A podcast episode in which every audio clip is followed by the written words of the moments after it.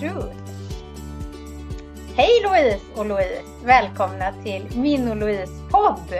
Nu är det lite rörigt idag för det är två Louise med. Så att ni får försöka gissa vem som är vem. Ja, ibland så kanske man ska säga bara efternamnen så kanske det är lättare. Men tack så hemskt mycket att jag, Louise Åsefors, får vara med i er podd. Välkommen Louise! Väl, och Louise Tunström hon är med som alltid. Som ja. En gammal möbel som man tröttnar på men den får liksom ändå hänga kvar för man hittar inget bättre. Lite shabby chic här ja. Så kan det vara. Ha, ja. Vad ska vi prata om idag då? Vi, eh, idag så ska vi prata framgång. Mm. Vad, är, vad handlar egentligen eh, och vad, vad, vad, handlar det här med framgångsrik om egentligen? Hur ser vi på det? Vi ska ju också intervjua Louise lite och fråga vem är hon egentligen? Vad gör hon? Eh, då menar jag Louise Åsenfors naturligtvis. Och som hon tycker att det är roligt att vara med här. ja, vem är Louise Åsenfors? Det är en jättesvår fråga. Dels beror det på hur humöret är för dagen när man ska presentera sig själv och hur, eh, vilket sammanhang man presenterar sig i. Men i det här sammanhanget får jag väl säga att jag är 50 år, Uddevallabo eh, och eh, varit förtroendevald i 27 år i Socialdemokraterna. Det är några år. Ja, det är jätte... Ja. Jag såg något klipp på Instagram. Hur gammal är du egentligen? 50 sa hon att hon var. Ja, ja verkligen. Jag såg något klipp på Instagram och då var det någon kvinna som sa att ja, det var, jag mötte en häromdagen som sa tänk för 30 år sedan skedde det här och då tänkte jag 30 år sedan det är ju 1970. Så kom man på det var 1993. Det är inte klokt. Man liksom. hänger inte med. 93, det känns ju, det var inte alls länge sedan. Nej, det det. Men eh, jag, eh, jag lärde känna Louise eh, Åsenfors eh, inte om jag känner mig själv än, fast jag är 50 år. Men Louise Åsenfors lärde jag känna när, jag, när du jobbade på öppna förskolan i Uddevalla i Härsta. Och jag var där med min eh, lilla Elvira. Och det var ju nästan 16 år sedan och då var du förskollärare där. Ja, Sen så tror jag att du, eh, för du var inte där så mycket eller inte så länge, för jag visste ju att du höll på med politik då också. För jag tror att du var tjänstledig från ditt jobb redan då. Ja, det borde ja. det varit om det har varit eh, förtroendevald så länge. Men jag vet att jag träffade dig där. Och så visade det sig att du och jag har ju samma kusin. Också. Ja, det är ju jätteroligt. Ja. Jag, vi var ju båda två inbjudna på hans 50-årskalas, våran kusin Gerhard. Eh, fast du blev sjuk där, eller Elvira blev sjuk så ja. du kunde inte åka. Men eh, då var en utav tipspromenadfrågorna var så här, Gerhard har två kusiner som är socialdemokrater och bor i Bohuslän. Vad heter de här två kusinerna? är det Bert och Bert eller är det Klara och Klara eller Louise och Louise? Det var en jätterolig fråga. Och vi är ju inte släkt, du och jag. Nej, men det men känns vi, Men nu, känner, nu är vi nästan det. Ja. ja. Men eh, visst, ja, nej, men jag är förskollärare och blev anställd där 2002 och är fortfarande anställd där fast jag är tjänstledig för politiska uppdrag. För det har man ju rätt till enligt kommunallagen. Att man har rätt för förtroende, att ta, ta ledigt för förtroendeuppdrag. Tänk vilken fin lag vi har i Sverige. Mm. Faktiskt. Att vi har rätt att vara lediga. Mm. Det är fin demokrati. För Louise, du har, du har både varit kommun... Nu är du främst regionspolitiker. Eller du är vice ordförande kommunfullmäktige i Uddevalla va? Andra vice ordförande. Andra vice ordförande. I opposition ja. här. Eh, och sen så har jag lite, i regionen så sitter vi i minoritet men dock i ledning tillsammans mm. med Vänsterpartiet och Miljöpartiet. Så det är, det är trevligt. Mm. Så att, eh, men det är ju alltid roligare att sitta i i ledning än i opposition. Så är det. Det, det, och det, det, jag vet inte så mycket om det, för jag har alltid suttit i, i opposition. Jag satt i opposition i, i, åtta år i, i Tanum. Och så kommer man till riksdagen och då blir man opposition där med. Mm. Eh, men det är klart, målet är ju att sitta i en majoritet och verkligen få styra och inte för styrandets skull utan för att man vill ju förverkliga det som man jobbar för och det samhälle man vill ha. Mm.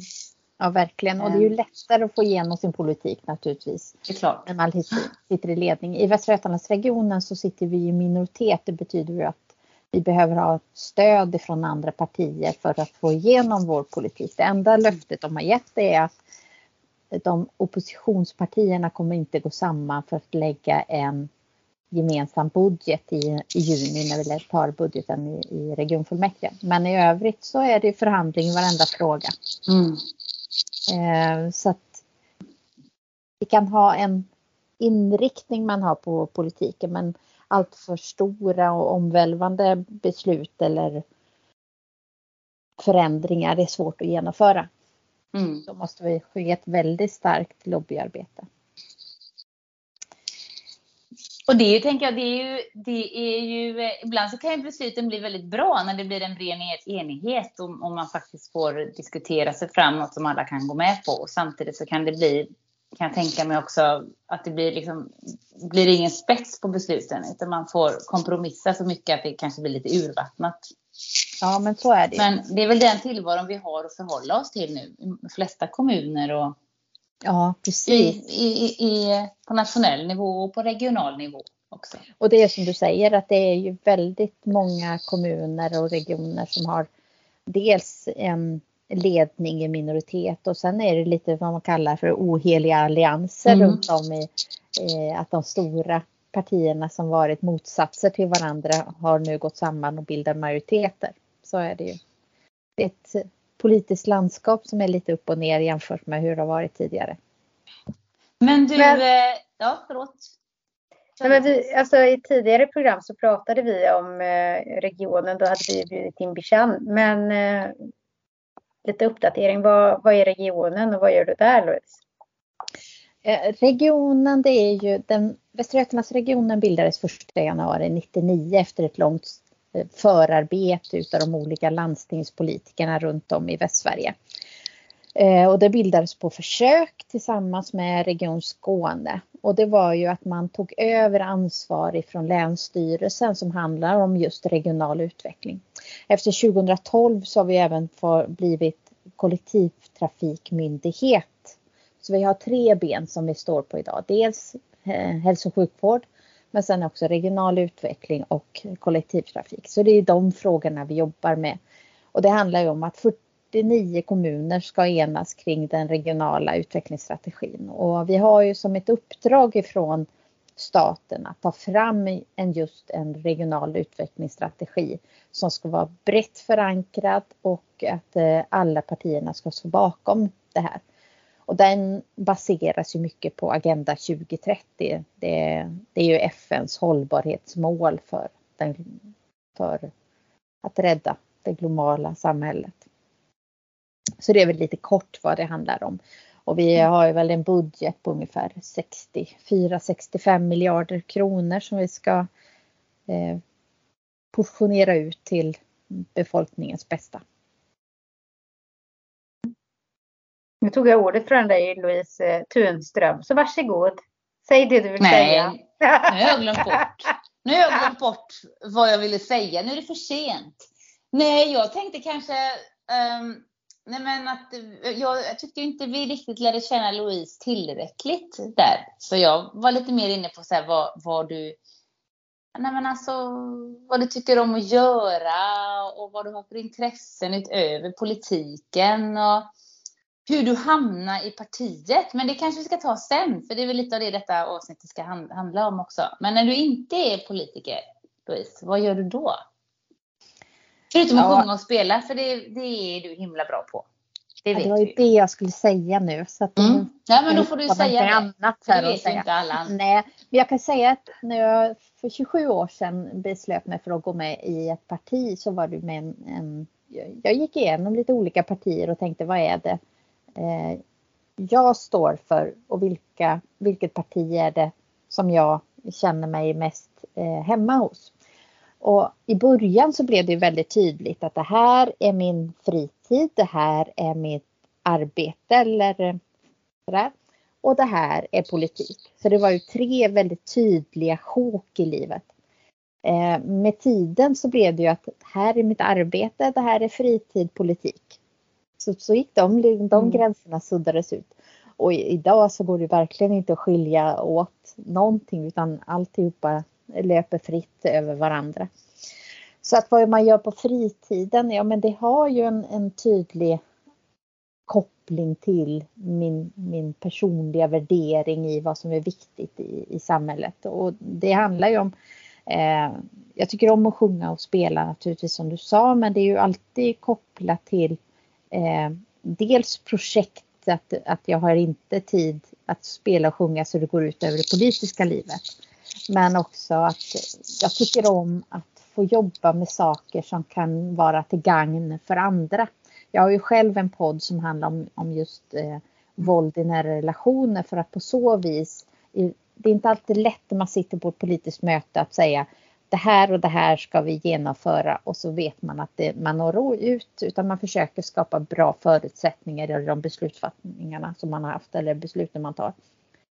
Men genom podden som är min fritid kan man säga, där är det ju kopplat till att försöka stötta de kvinnor som är i en svår situation. Och som jag haft en, polit en politikerpodd tidigare då med en moderat tjej där vi var att ja, försöka förstå varandra i en dialog. Så att, eh, men nu på min fritid så tycker jag om att snickra och greja med trä framförallt så att jag just nu har jag tänkt att jag ska göra renar i trä eh, som jag sen inför jul ska auktionera ut och så ska de pengarna som kommer in gå till kvinnojouren. Ja, vad fint! Och vi, och vi, vi är peppiga gruppen här då, eller alltså ja. jag och Louise och Louise, vi har ju en peppig grupp tillsammans med ett oppositionsråd i Munkedal. Och alltså vi har ju konstaterat till Louise att du har en ny karriär på gång sen om du känner att du vill luta dig tillbaka och inte bråka i politiken längre och inte orkar vara så samhällsengagerad längre så, så kan du börja snickra. Så är det så att ni som lyssnar på oss nu känner att ni vill ha lite sommarmöbler och så, hör av er till Louise Åsenfors för att hon snickrar ihop lite gungor och bord och sådär bara och ja, på en kvart så. så att, ja. Och de, de är jättefina. Ja, man kan säga att den ena eh, möbeln blir inte den andra lik för jag tycker det är tråkigt att upprepa mig så att ja, men nu har jag gjort det här en gång, då får jag göra någonting annat sen. Så att det, jag är inte bra på löpande bandet. Men det är väl bra, då vet ju alla att vi har en unik sak liksom. Mm. Mm. Sen, eh, har jag hört talas om att du är lite fyrkantig också Louise.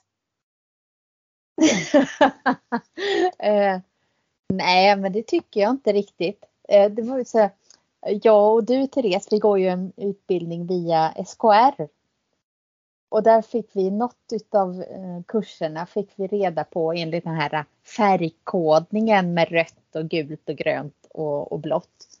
Eh, då fick vi en liten en genomgång av vår personlighet och inom vilket färgspektra vi hamnar. Och tydligen så som blev en väldigt stor chock för mig så blev ju jag blå. Och jag var helt övertygad om att jag var übergrön. Men jag tydligen så är ju den, den jag är och den personlighet och de drag jag har, de är tydligen blå. Och vad innebär det? Är det att man är strukturerad och, att man är fyrkant. fyrkantig? Ja. Jag tycker inte du är, så fyrkantig, men du är ju ganska strukturerad och, och säger att du ska göra någonting så gör du det. Ja. Ansvarstagande. Och det är positiva egenskaper. Är man, ja. Alltså, men vad trodde man... du, om man är grön då?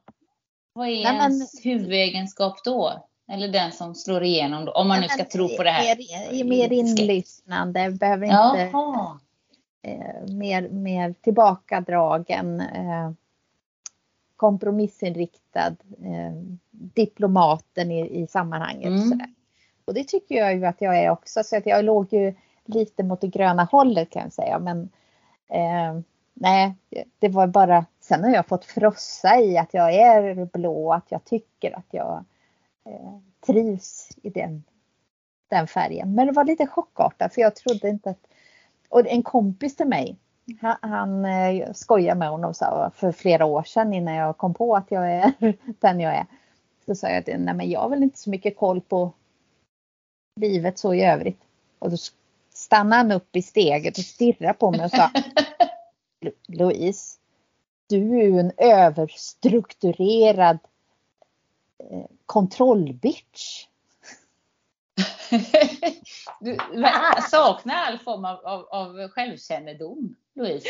Nej, det är alla. Alla har tyckt att du har varit alltid och du har liksom inte förstått det. Nej, jag bara skojar. Jag skulle ja. inte kalla dig för överstrukturerad kontrollbitch. Men jag blir lite nyfiken Han på... Han sa det med kärlek och värme. Ja, det är klart. Ja. Det förstår jag. Men jag är lite nyfiken på vad du fick för färg, Therese. Eh, nej men alltså, på jobbet så var jag rätt mycket eh, röd. Och, och vad, är, och vad innebär det? Eh, men man är liksom man är bossig. lite bossig, Nej. lite extrovert, tar, tar mycket plats. Ja men precis, tar mycket Vågar plats gå först. Ja precis och, och hemma vid så är jag mera eh, gul liksom. Eh, så att, eh, och vad är eh, gul? Ja, det är när vad... livet bara liksom leker lite grann. Och man är lite så här överallt. Och, ja, men ungefär så som jag är. Ja, ja, men det ordnar sig så här. Jag vet inte vad det finns för ord för det. Det, det hette väl någonting speciellt. Men det, saker och ting stör en inte speciellt mycket. Blir det en liten fläck på golvet så kan den väl vara där då tills jag orkar ta upp den. Och så. Men, men, men jag vet ju att och sen är man ju också rätt så snabb då. Eh, eh, och det vet ju jag att jag är en sån person som eh, eh Ja, alltså hur ska man förklara det bäst då? Men om vi säger så att jag är tågföraren och, och de eh, passagerarna står på perrongen så har de inte ens kommit till perrongen innan jag kör därifrån med tåget. Så de får liksom inte, alltså jag kan stå och prata eh, och så tänker folk så här, vad fan snackar de om nu? För då har jag liksom missat att säga vissa saker som jag tänker. För, och då är jag redan på nästa barn. Men det har jag jobbat jättemycket med. För att jag vet ju att jag är så. Eh, och helt plötsligt så har jag nischat in mig jättemycket när jag är på jobbet. Eller som politiker.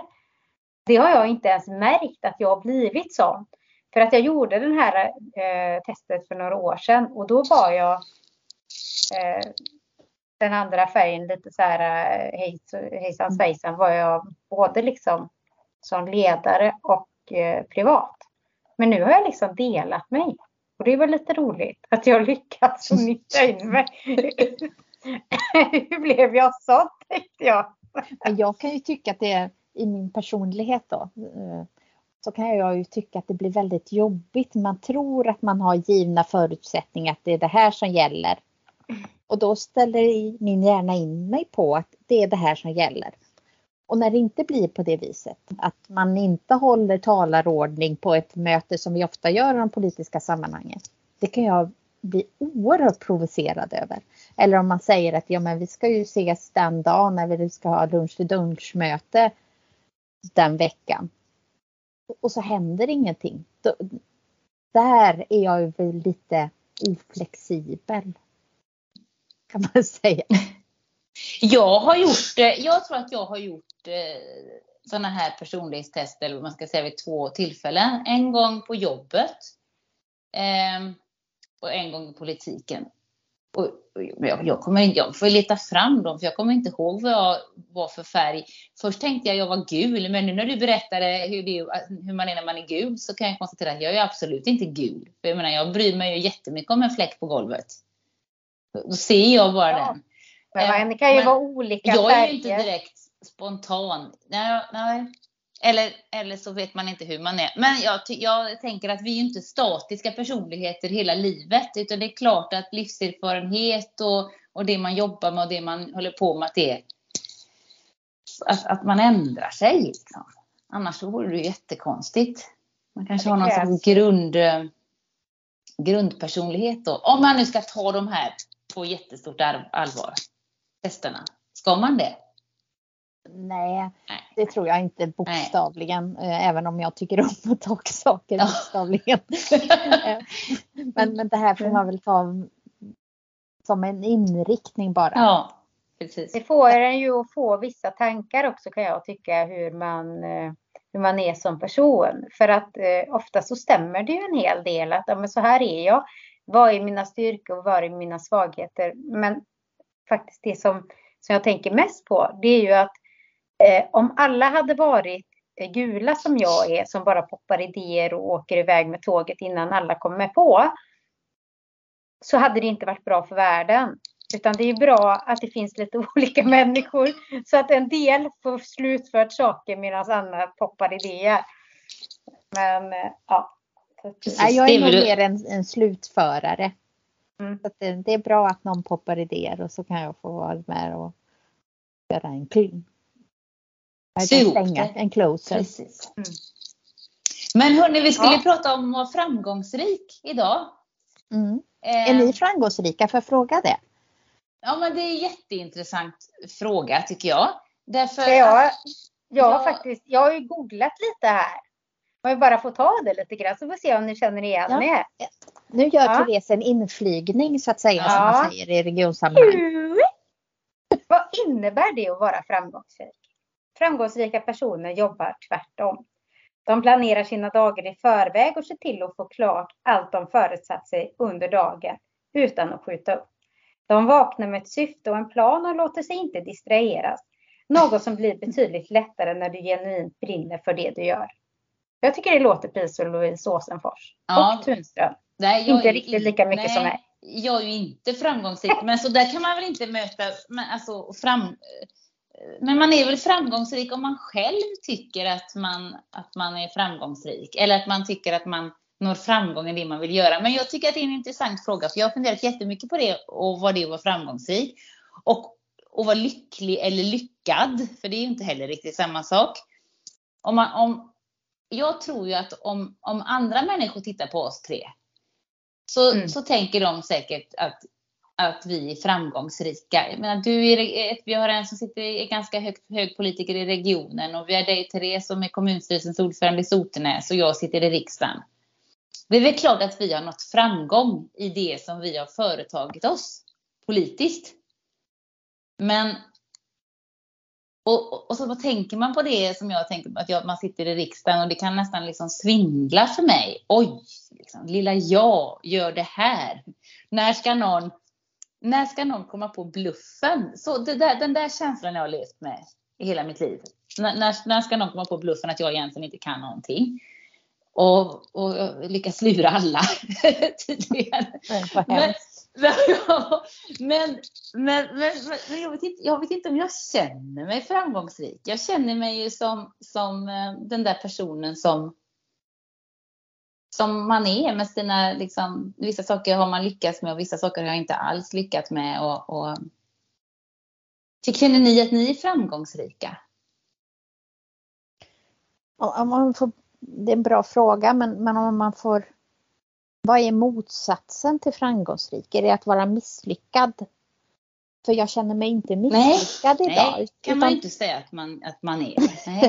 utan, utan, utan, man är ju på andra andra linjen utav den, den, den grafen kan man säga. Eh, så naturligtvis i vissa lägen så kan man känna sig otroligt framgångsrik när, när man får en hel aula att lyssna på vad man säger när, när man sitter i lite panelsamtal eller i ett mötesrum och folk refererar till vad man har sagt.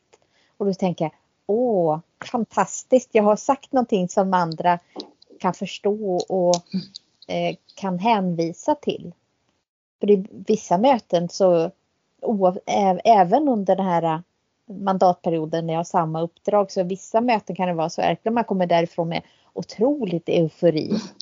För att det känns som att man har nått fram med sin tanke och sitt budskap. Medan andra möten då känns det som att oj, ja, nu tänkte jag fel idag igen och då känner mm. man sig verkligen inte framgångsrik utan totalt fel ute. Ja. Hur upplever ni där? Jo, men jag, jo, jag tänker idag så känner jag mig ganska framgångsrik. Därför jag skrev häromdagen en skriftlig fråga till, till skolministern. Eh, och den har fått lite medialt genomslag. Och, ja. Eh, och, det, den är delad mycket på sociala medier och sådär. Och då har jag gått och känt mig framgångsrik hela dagen. Men också lite, man nästan får lite hybris. Man går in och kollar hur många likes man har fått. jag kan väl få göra det idag då för att jag tycker att ja, där, där satt den. Det var roligt. Liksom. Men, men precis som du säger, om, om några dagar så kanske jag gör någonting som, jag inte, som inte alls blir bra. Man har jag har skrivit ganska mycket dåliga saker också. Eller man kanske har varit ett möte man inte tycker att det gick så himla bra och sådär. Ehm, men jag tycker att vi har, låter som vi har en ganska ödmjuk inställning till att vara framgångsrik. Ehm, handlar det om att man, att man tjänar mycket pengar? Eller handlar det om att man liksom tyck, känner själv att man mår, mår bra? Eller är det hur andra människor ska se på en som är det viktigaste? Vad tänker du Therese? För, för jag tänker, du Therese har verkligen gjort en, en resa sista året. Mm. Eh, att eh, bli kommunstyrelsens ordförande. Med ja, allt precis. vad det innebär. Alltså om jag tänker så här liksom. Jag har väl aldrig eh, känt mig speciellt misslyckad någon gång i mitt liv. Utan jag har liksom bara kört på och så tänker jag nästa mål är så här och nästa mål är så här och så här ska jag göra. Och, eh, och, och det är klart att när, den dag som jag fick ett fast jobb till exempel. Mm. Det, det kändes ju lyckligt eh, så. Jag kände mig inte speciellt framgångsrik, men jag kände mig inte misslyckad när jag gick eh, på timmar heller. Men jag kände, det kändes ju bättre naturligtvis, för man blir tryggare i livet. Eh, och, och, och sen när man kommer i den här positionen så tycker jag att, eh, att jag, jag har svårt att se för mig så, så, så, är det någonting med framgångsrik från när man var liten och att det var en, en högt uppsatt chef eller alltså det är någon som har läst på högskola och man har fått ett, ett välbetalt jobb.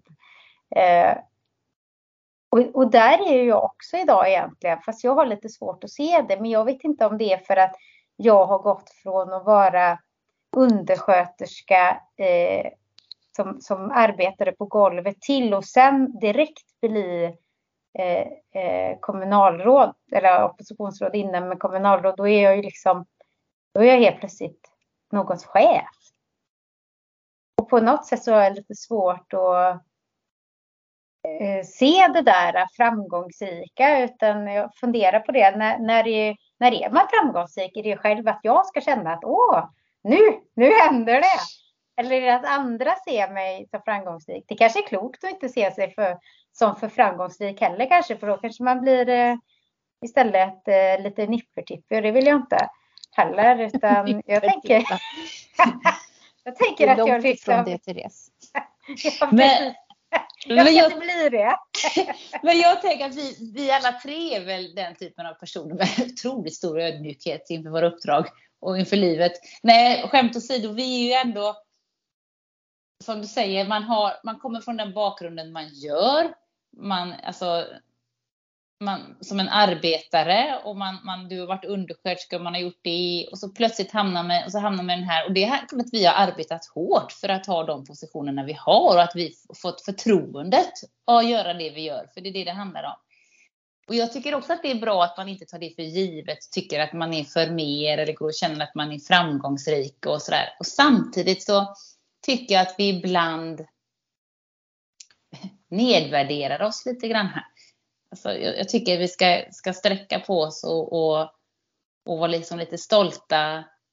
Eh, och, för då förmedlar vi också till andra att vi faktiskt är stolta över dem vi är och vi, vi tycker att det här kan jag och jag menar allvar i det uppdraget jag har och det jag vill göra. Jag, det var en intervju med mig, jag tror i Strömstad-tidningen, eller om det var Radio Väst precis efter valet när jag precis hade kommit in i riksdagen. Och jag lät liksom lite flamsig. Alltså, åh, jag kan inte tro att det är så, eller liksom, åh, det här är inte klokt och, och är det sant och, och, och jag är så nervös och, och, och efterhand har jag känt sådär att, ja men, alltså det kanske var ett försök av mig att inte låta för mer, men, men mm. alltså hur tror, alltså Nej, men jag tror man, att du man, har menar ju, där. Ja, man menar ju allvar i det man vill göra någonstans och tänka så här. Jag hade ju aldrig tagit på mig detta uppdraget eh, och ni hade inte tagit på er era uppdrag om inte ni tänkte att det här klarar jag av och det här är jag mogen för att göra och det här vill jag göra för att jag tror att jag kan göra ett bra jobb. Då ska man ju liksom inte flamsa bort sig liksom.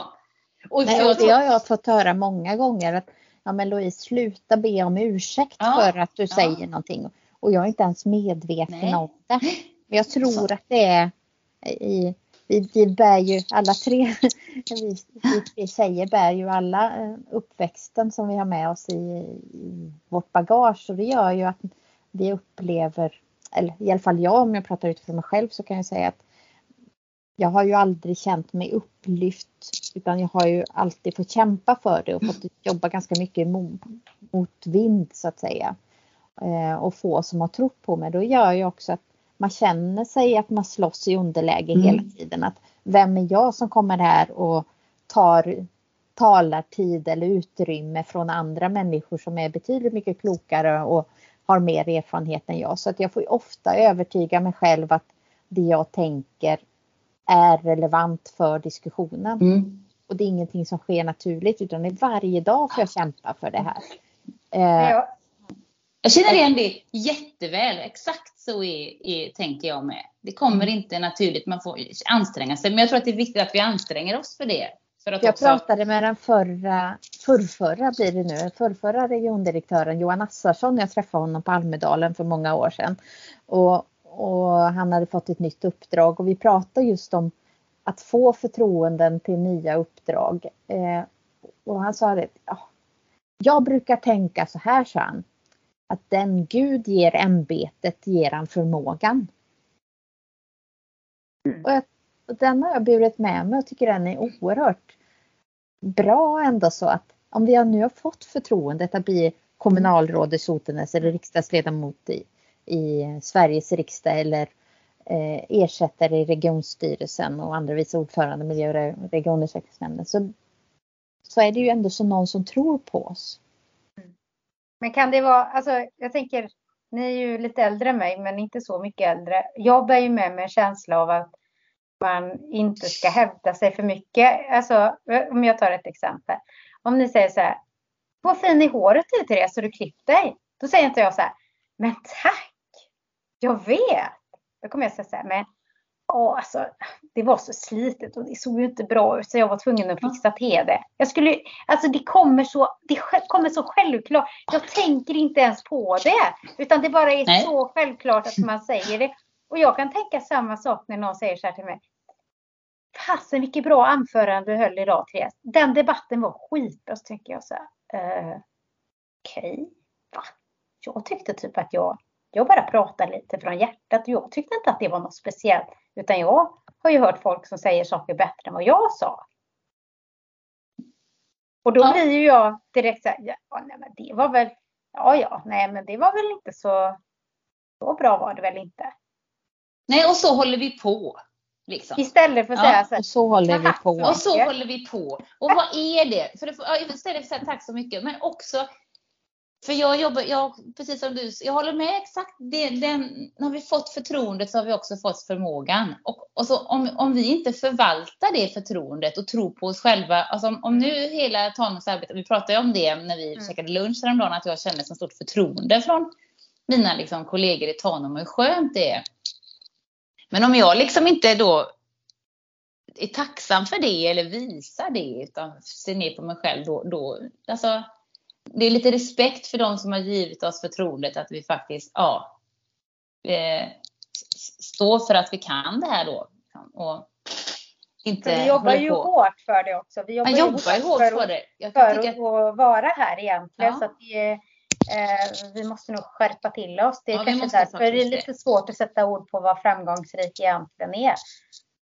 Men ja, för att vi inte liksom, riktigt, eh, för att vi inte riktigt kan känna det jag tänker framgångsrikt är också att vi jämför det med våra egna, eh, vår egen bakgrund eller det vi tycker själv är viktigt. Mm. Är det viktigt för oss att tjäna väldigt mycket pengar? Eh, då är kanske det som man jämför med eller är det att vinna människors förtroende eller är det att få igenom någonting som man tycker är oerhört viktigt? Ja, det är ju det som jag bär på att jobba med demokratiutveckling och få jobba med mänskliga rättigheter och liknande. Det tycker jag är viktigt och kan jag nå fram med det, att då känner jag mig lyckad den dagen.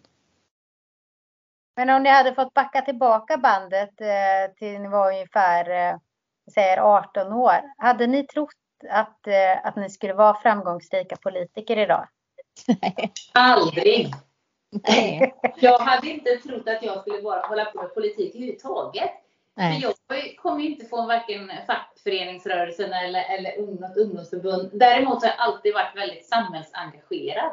Och, men, men alltså jag gick omkring och dagdrömde. Det låter jättelöjligt. Jag gick omkring och drömde om att jag liksom förändrade världen. Där. Liksom, dagdrömde om att jag uträttade stordåd.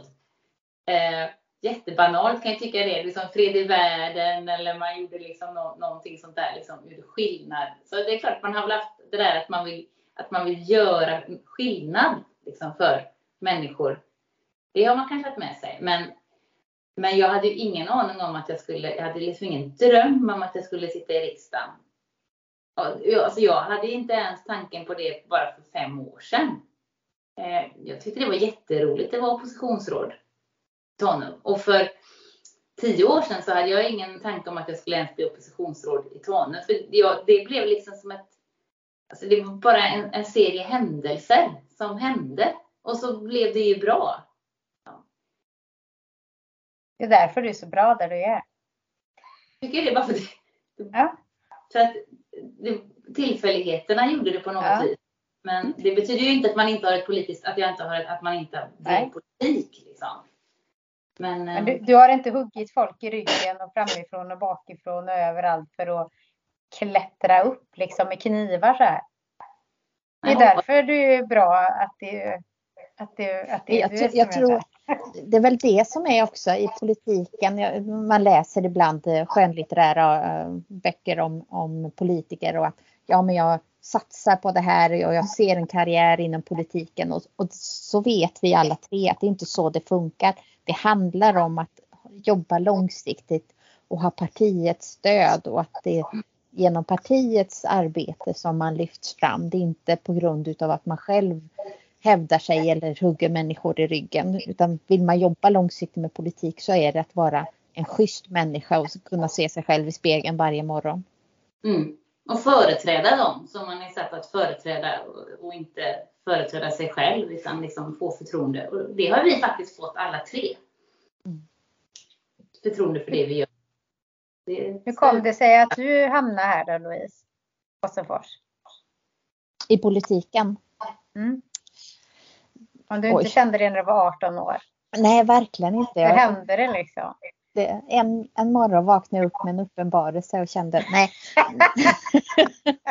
nej, men så, det var nog så där att jag efter ett ganska rörigt och rörligt liv. Jag flyttade så mycket och jag eh, reste runt och jag eh, var lite vilsen kan jag säga. Eh, och sen plötsligt så, så eh, 96 så började jag läsa på komvux. Då hade, just då så var det ju inte så, komvux var inte så utbyggt just då. Utan eh, det var svårt för att komma in och jag hade bara en tvåårig gymnasieutbildning med mig i grunden för det var ganska vanligt när jag gick i gymnasiet med tvååriga utbildningar. Men då fick vi eh, extra medel ifrån staten eller Allmänna arvsfonden som delades ut och då blev det utökad vuxenutbildning. Så att i samband med det så fick jag möjlighet till att ta itu med mitt liv, läsa upp eh, gymnasiet eh, till treårigt och få också behörighet till högskolan som jag sedan läste på i, i, i Vänersborg som då Högskolan Trollhättan Uddevalla som det hette då förut innan det bytte namn till Högskolan Väst. Och då kände jag en enorm tacksamhet över att jag fått en andra och tredje chans att komma ifatt i mitt liv och det gjorde att, att jag ville betala tillbaka allt det jag har fått och de, de erbjudanden och chanser jag har fått. Och, och, då tänkte jag så här, vilket parti är det som står bakom just den här möjligheten som jag ju nu ges? Och då för mig var det självklart att det var Socialdemokraterna. Andra kommer med andra slutsatser men för mig var det självklart att det var just Socialdemokraterna som jag ville engagera mig i. Och det var inte alltid lätt för jag har inte heller någon politisk bakgrund och jag visste inte hur man går in i politiken med, överhuvudtaget. Men så kom jag på att ja men den här Karin Mårtensson, henne, hon har ju tydligen varit aktiv i Socialdemokraterna länge och eh, vi jobbade tvärs, eh, ja, i, hade sommarjobb i Uddevalla centrum i vägg i vägg ungefär i varsin butik. Och så jag ringde henne och sa hej Karin, eh, hur gör man för att gå med i Socialdemokraterna? Och så tog hon hand om mig och, och strax därpå så satt jag i S-kvinnors styrelse och i arbetarkommuns styrelse och i distriktsstyrelsen. Så jag kom in i väldigt snabbt. Och Karin heter ju Engdahl idag och var regionråd sedan i många år. Jag misstänkte att det var hon. Ja. Vilken tur, vilken tur vi hade som Ja, nej men det har ju varit väldigt utvecklande och det kan jag säga att det, det här har ju varit en otrolig skola att få vara med i ett politiskt parti. Eh, mötesordning, att, eh, att det, räcker, det funkar inte att tänka 80 och säga 10 utan, utan man måste formulera sig och att vara tydlig. Vad är det jag vill och vad är min vision? Och, eh, försöka övertyga andra om att min tanke kan vara bra.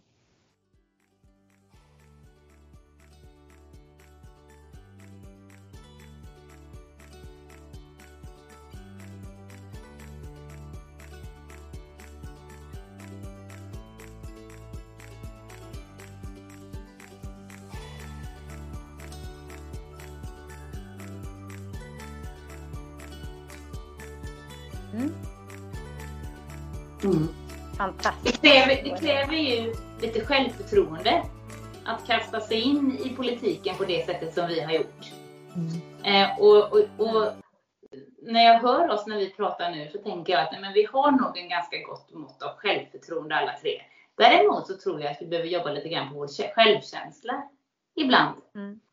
Och det kan ju vara ett, ett evigt arbete över livet, även om vi har blivit bättre. Men, men och, och, eh, visst är det så. Det kanske är där det skaver lite, men eh, det är klart. Eller så vi, kanske det är så att självkänslan, jag tänker Louise att det kanske är så att självkänslan faktiskt finns där. Det är bara det att det vi bär med oss är att eh, kvinnor ska inte eh, ta för mycket plats. Liksom. Nej. Att, att det är lite att, att det är på något sätt, eh, det sitter så långt in i, eh, i märgen på något sätt eh, i, från uppfostran. Jag vet inte om det kan vara så. Men det är inte så att jag, jag, känner att jag egentligen har, känner att det jag gör inte är bra nog eller så. Utan jag tycker att jag gör ett jävla bra jobb egentligen. Eh, men eh, det är det där svåra och eh, ja, faktiskt ta plats. Mm. Eh, eller visa att man tar plats. Man tar plats men man tar plats på ett försiktigt sätt som gör att folk inte förstår att du tar plats. Ungefär så blir det. Sen är det, alltså, sen är det ju det här duktiga flicka-beteendet också när man liksom slår lite på sig själv också och inte riktigt, ja ah, men jag kanske kunde ha gjort det här bättre. Och, ja, nej. Men, men jag tror det handlar också mycket om det här, vi ska inte ta plats. Nu räckte jag upp handen här. ja, men, nej, men jag... varsågod Louise Åsenfors. Tack så hemskt mycket. Och nu börjar min talartid för en begränsning på tre minuter. Nej, men det är det du Louise Tunström sa, det tycker jag absolut att jag har fått jobba med jättemycket. Att självförtroendet, ja men det, där kan jag gå ut och, och äga scenen om jag ska upp och sjunga eller något sånt. Men självkänslan, att det jag har att förmedla, det, mina egna tankar och formulera dem i ord, det har ju varit någonting jag fått jobba med jättemycket. Och där kan jag ju, jag är uppvuxen i en familj där med min styvfar som sa att det spelar ingen roll vad du gör, för du är misslyckad. Du är predestinerad att misslyckas. Och, och du är ganska värdelös. Det, det sa han både i, i självrena ord men också i handling. Det man säger till barn sårar för livet. Mm. Man blir så arg. Jag blir så arg när jag hör det om dig. Men så fel. hos mig om jag hade varit äldre när du var liten. Mm. Ja. Men alla de här erfarenheterna. Jag hade gett en kram. Erfarenheterna som vi har som både skiljer sig åt en del och också och påminner om varandra lite grann. Våra erfarenheter av uppväxt och livet. Så har det ju präglat oss till de vi är. Och det har ju också gjort att vi förstår andra människor.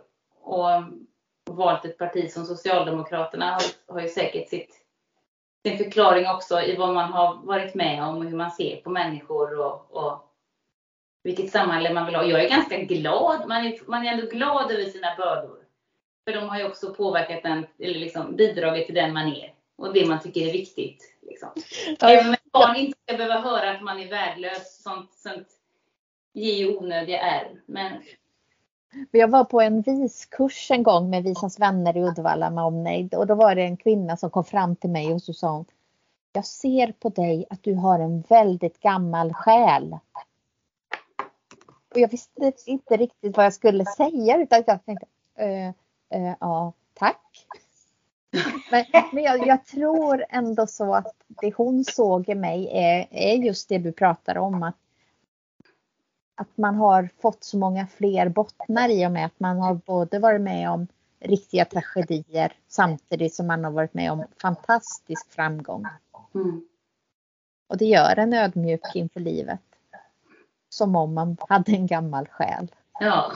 Det betyder Louise att du har levt många liv innan ja. det här livet. Ja. Och det är det som du bär med dig. Man bär ju med sig erfarenheter. Själen kommer alltid ihåg. Bara man, även om man själv inte kommer ihåg. Ja. det är därför du har så många bottnar. Mm.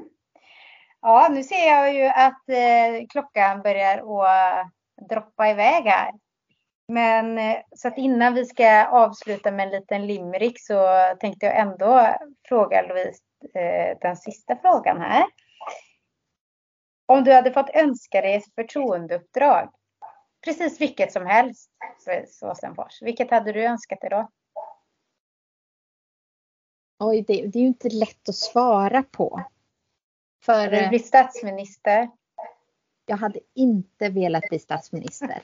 Och jag vet inte heller om jag hade velat bli statsråd. Jag, jag läste här Dick Harrisons bok här i somras om Tage Erlander som under titeln är Jag har ingen vilja till makt.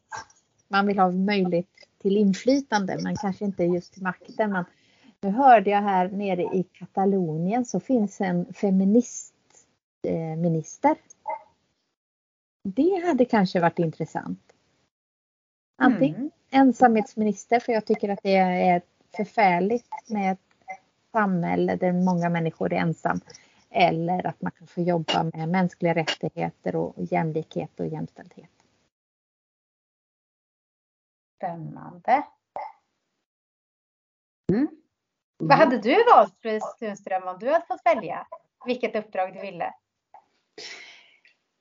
Nu är mina två upptagna så du får komma med något annat. Ja, du måste komma med något nytt. Du får inte bli samma som Louise. Grej, jag, jag, om jag fick helt välja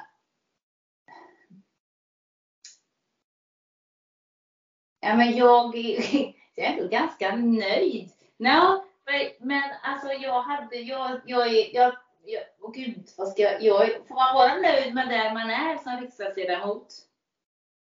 Jag är nöjd med det jag är som riksdagsledamot. Eh, men jag skulle också tycka att det vore väldigt roligt att vara eh, kommunstyrelsens ordförande i Tanum. Att få jobba i majoritet. Ja, att jobba i majoritet. Ja. Statsminister, nej. Alltså statsråd, alltså minister, nej det kan jag, inte, det kan jag liksom inte känna någon dragning till. Men däremot så skulle jag vilja och jag, mitt ok i, i politiska sammanhang och andra sammanhang också, det är att jag pratar så himla dålig engelska. För jag önskar, hade önskat att få jobba eh, med lite internationella relationer.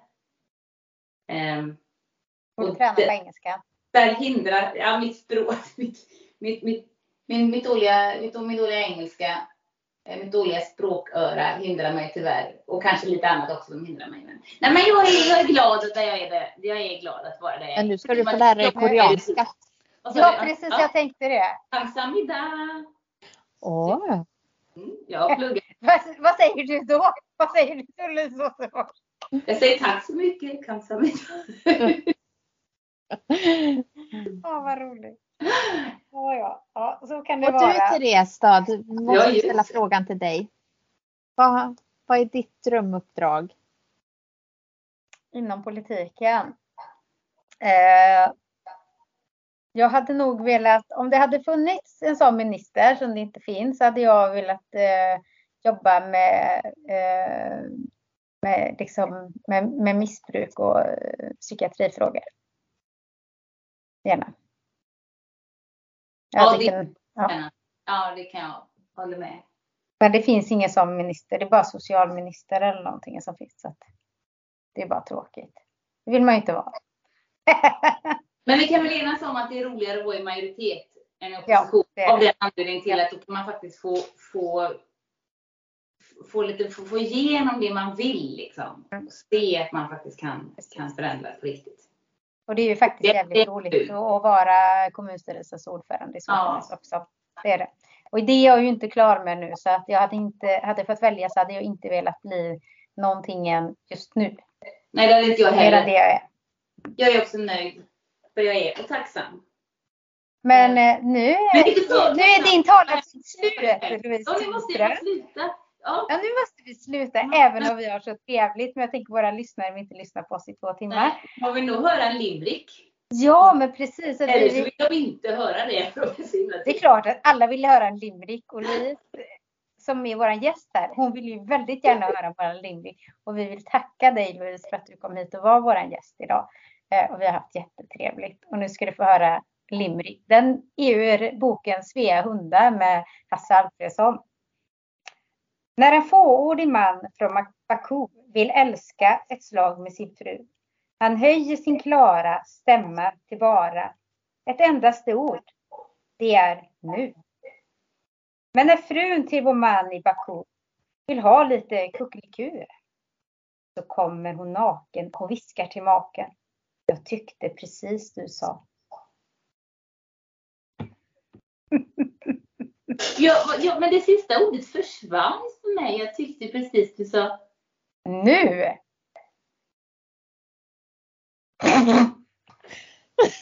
Fantastiskt bra. Fantastiskt bra. Jag, jag måste ha lagt av och lyssna. Jag måste ha zoomat ut för jag förstod inte. Men... Jag ska läsa om det. Men jag, vi, vi tar det. Alla andra förstod, alla andra hörde utom jag. Ja. Tack för det. Den ligger mycket budskap. Nu får du lyssna. Lyssna Louise nu. Ja. När en fåordig man från Baku ville älska ett slag med sin fru. Han höjer sin klara stämma till bara ett endaste ord. Det är nu. Men när frun till vår man i Baku vill ha lite kuckeliku så kommer hon naken och viskar till maken. Jag tyckte precis du sa nu. Ja, men han sa ju det. Och med det så avslutar vi. Tack och hej leverpastej. Och så syns vi nästa gång. Så får vi se om vi klarar av att lösa den här limericken. Tack så hemskt mycket. Tack. Har du stängt av?